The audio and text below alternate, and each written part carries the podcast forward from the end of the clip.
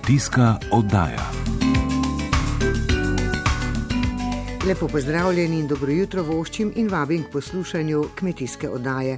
Danes bomo predstavili novosti programa za razvoj podeželja. Z nami je specialistka za razvoj podeželja pri Kmetijsko-gozdarskem zavodu Nova Gorica Darja Zadnik. Prav lepo pozdravljeni, dober dan. Torej, programsko obdobje za razvoj podeželja 2014-2020 se podaljšuje za dve leti. Kaj pravzaprav to pomeni? Tako res je, se pravi, to obdobje, kot že samo ime pove, 2014-2020 bi se moralo končati, ampak zaradi tega, ker pač niso bile izvedene vse priprave, se to obdobje podaljšuje za leto 2021 in 2022. Slovenija je za to obdobje dobila tudi dodatna sredstva, tako da kar je pomembno je to, da se bodo pač razpisi letos in drugo leto nadaljevali kontinuirano. V tem obdobju so bile sprejete tudi prenekatere spremembe, veliko jih je bilo tudi v zadnjem času. Katere so te zadnje spremembe? Tako je, z deseto spremembo programa razvoja podeželja je kar nekaj novosti, obmenila bi samo nekatere najpomembnejše. Tako je recimo mogoče za razpis za gorske kmetije, ki je za naše območje kar pomemben, se predvideva, da bo upravičen strošek tudi rabljena mehanizacija, kar je kar velika novost. Potem spreminja se definicija majhnih kmetij. Kot vemo, so bile do sedaj majhne kmetije tiste, ki so imele prihodek manjši od ene bruto minimalne plače na zaposlenega v Republiki Sloveniji. Sedaj pa se ta cenzus nekoliko dviguje in bodo v ta sklop prišle vse kmetije do 1,5 povprečne plače. Predvidevajo se tudi nekateri novi razpisi, tako pri naložbah v kmetijska gospodarstva, kot pri predelavi in trženju. In sicer bodo tukaj razpisi za krožno gospodarstvo, tukaj naj bi bile podprte investicije v učinkovito rabo energije, v obnovljive vire energije, pa tudi razpisi za distribucijske centre, kjer bodo prišla poštev skladišča, hladilnice, dostavne, dostavna vozila in podobno. Potem velika sprememba je tudi pri razpisu 6.3, to je pavšalno plačilo za razvoj majhnih kmetij. Do sedaj so bile do tega plačila upravičene samo živinorejske kmetije. Ministrstvo za kmetijstvo ugotavlja, da je v Sloveniji več kot 2000 majhnih kmetij, ki imajo trajne nasade in so za ohranjanje in lepoto našega podeželja ravno tako pomembne kot živinorejske. Tako da bodo do tega pavšalnega plačila v naslednjem razpisu jeseni upravičene tudi te kmetije, ki imajo zemljišča v območjih z omejenimi dejavniki in večino zemljišč v uporabi pač trajne nasade. Bo pa tudi tukaj pogoj najmanj 1,5 in največ 6 hektarov primerljivih zemljišč, kmetijskih zemljišč. No, omenila bi še en nov razpis, 4.4, to je za vzpostavitev protiveterne zaščite, se pravi za zmanjšanje vplivov erozije vetra, kar mislim, da bo en razpis zelo dobrodošel tudi za Vipavsko dolino. Torej gre za kar številne spremembe, novosti, ki so, kako jih vi ocenjujete, dobrodošle, dobre? Ja, jaz mislim, da te, ki so do sedaj poznane in smo jih uspeli videti, da so v bistvu prisluhnile tudi našim predlogom in da gredo v pravo smer. Gospodarja, do konca leta bo še 30 javnih razpisov iz programa za razvoj podeželja. Vseh 30 seveda bi bilo malo preveč našteti, morda omenimo samo tiste najpomembnejše. Res je, letošnje leto bo lahko kar rečemo leto razpisov, no. Sicer so se vsi malce premaknili v drugo polovico leta, no, ampak po informacijah Ministrstva za kmetijstvo naj bi nekje julija bila objavljena razpisa naložbe za kmetijska gospodarstva, podnebne spremembe. To je kar pomemben razpis za kmetije, ker gre za investicije v rastlinjake, trajne nasade, namakanje in pa tudi razpis za predelavo in trženje, podeželje, ki je ravno tako kar pomemben razpis za naše kmetije. No, sledila bo potem še cela druga vrsta drugih razpisov. Omenila bi razpis za gorske kmetije, razpis za ekološke kmetije, potem tak bolj splošen razpis za gradnje. Mislim, to so vsa, vse razpisi, ki dejansko pripomorejo k razvoju naših kmetij. Eh, potem mogoče bi omenila še razpis še štiri, to je diversifikacija oziroma za kmetije pomemben uh, turizem. Uh, tale razpis je pa premaknjen nekje na oktober, no mogoče je tudi to pomembna informacija za kmetije, ki se pripravljajo na ta razpis. Ponovili bodo tudi vse razpise iz ukrepa sodelovanje, potem razpis za scheme kakovosti, ki se objavlja vsako leto, Pa mogoče bi omenila še razpis za mlade prevzemnike, ki se predvideva januarja 2022. Z tega vidika, da se je zdaj en razpis zaključil in če bi mogoče pri kakšni vlogi se kaj zalomilo, no, bo pač priložnost za popravni spit na tem novem razpisu. In še seveda mnogo drugih, rekli smo 30 jih bo. Ali je mogoče eh, tako v grobem povedati, koliko uh, denarja, koliko sredstev je namenjenih za vse te razpise? Uh, tako ta dodatna sredstva za nadaljevanje teh razpisov so nekako v višini 245 milijonov, plus nekaj čez 70 uh, milijonov je še iz uh, sklada za okrevanje, tako da je tudi denarja kar nekaj na voljo. Torej, slediti in se prijavljati na razpise. Tako, predvsem slediti in uh, poiskati informacije ter se pravočasno pripraviti. Darja, zadnji hvala za vse te, seveda, zelo, zelo koristne informacije za naše kmete. Hvala, hvala lepa. tudi vam. Hvala.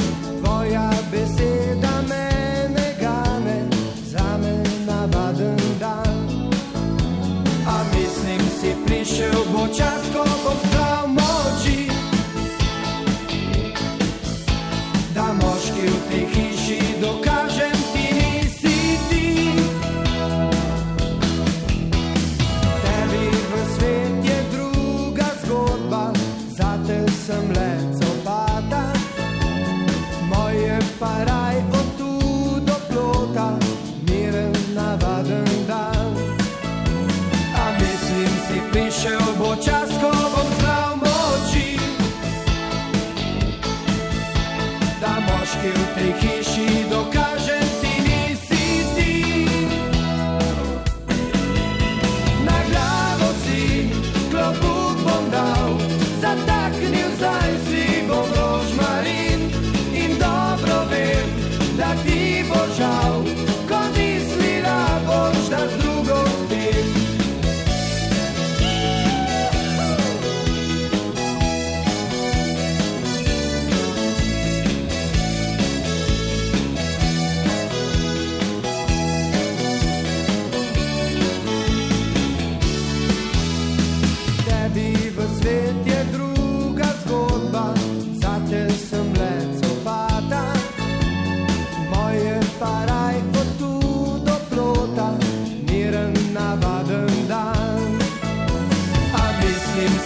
Prešel bo čas, ko bom plav moči,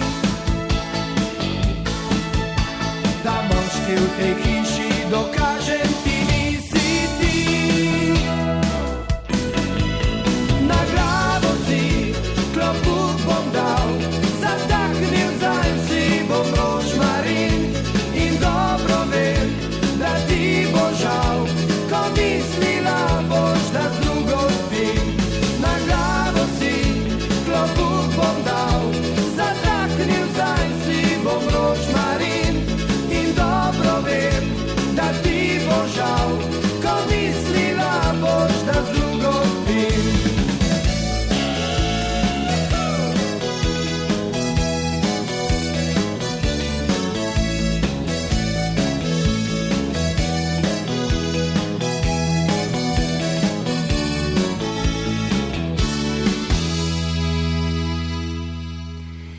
Zdaj pa k naši drugi temi in sicer k biodinamičnemu kmetovanju. Prispevek je nastal s pomočjo projekta Zelena kohezija, ki ga podpira Evropska unija. Ljudje to dosti krat dojemajo kot nekaj, jaz rečem temu bobo, ne, kot nek strah. Ne. Aha, zdaj ne bomo škropili.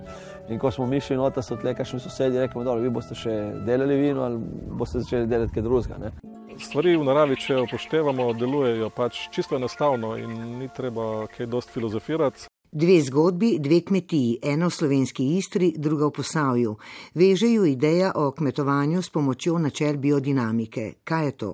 Biodinamika je gospodarjenje z naravo pri obdelavi zemlje, vzgoji rastlin in živali tako, da pridobimo najkakovostnejšo hrano za prehrano človeka in istočasno skrbimo za ohranjanje zdrave plodne zemlje. Takšen način pridelave v zadnjih letih vse bolj podpira tudi Evropska unija. Pojdimo najprej na vzhodni konec Slovenije v Posavje. Tam se nahaja biodinamična kmetija Črnelič. Čredo se stavlja od 40 do 50 glav govedi. Ta se večino leta pasa na prostem, v preostalih mesecih pa so v odprtem hlevu z možnostjo izhoda na prosto.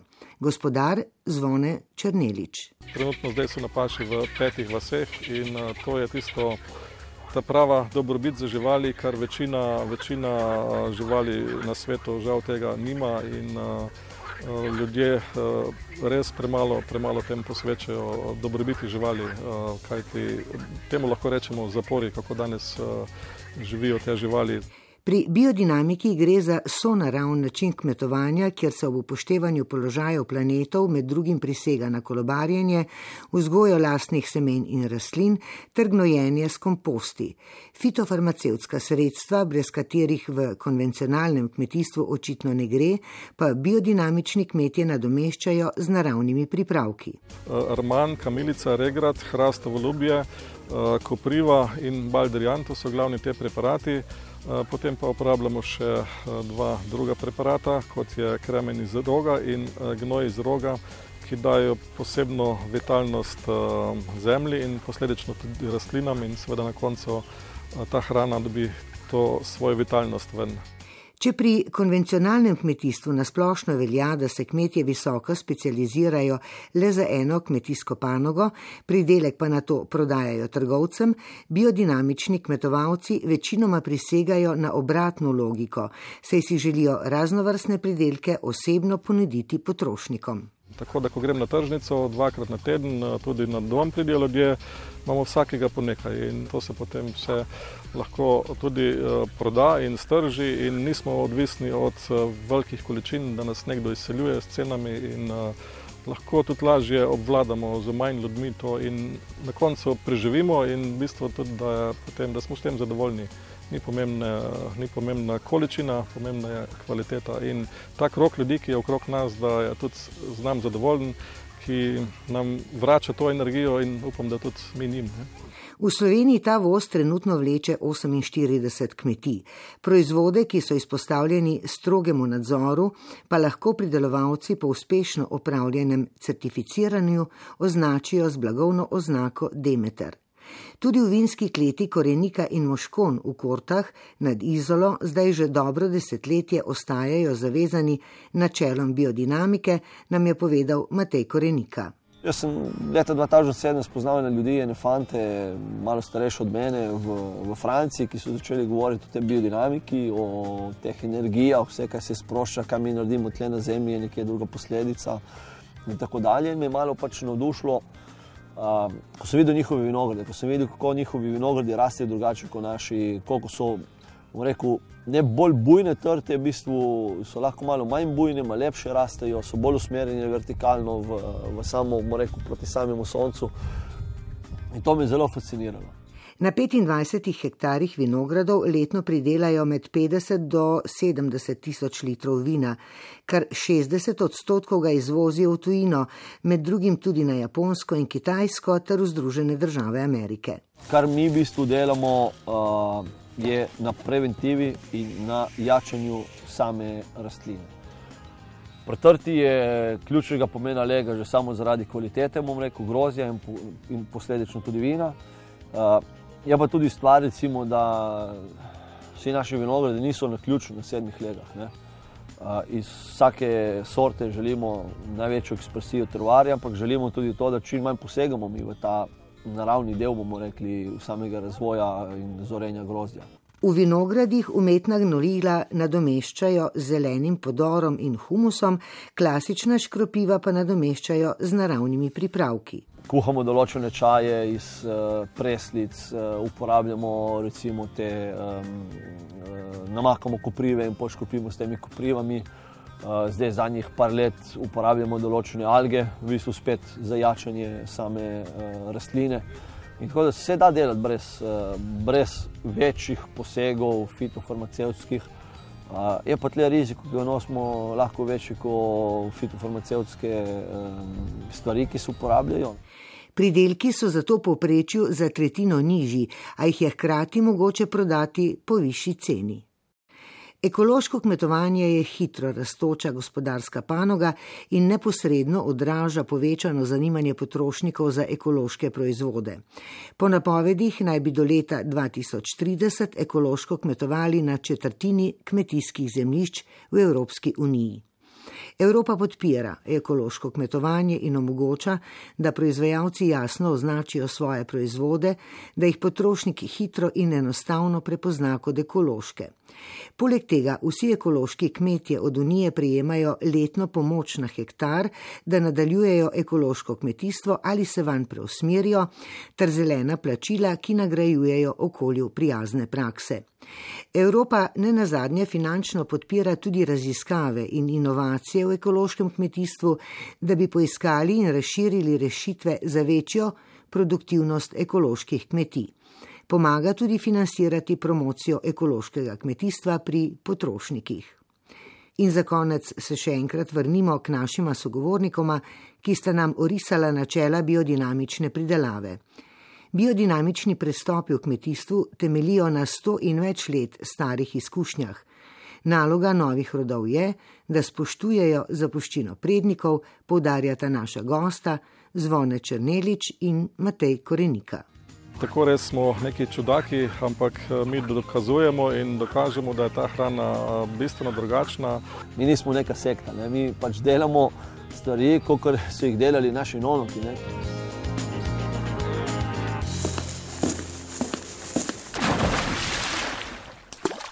Vsi puščamo sledi.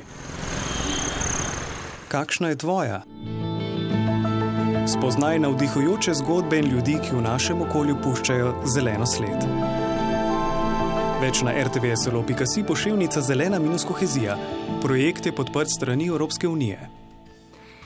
Toliko smo pripravili v današnji oddaji, želimo vam lep dan in seveda teden do našega ponovnega snidenja. Ingrid Kašca Vucik in Igor Valentinčič. Pa srečno!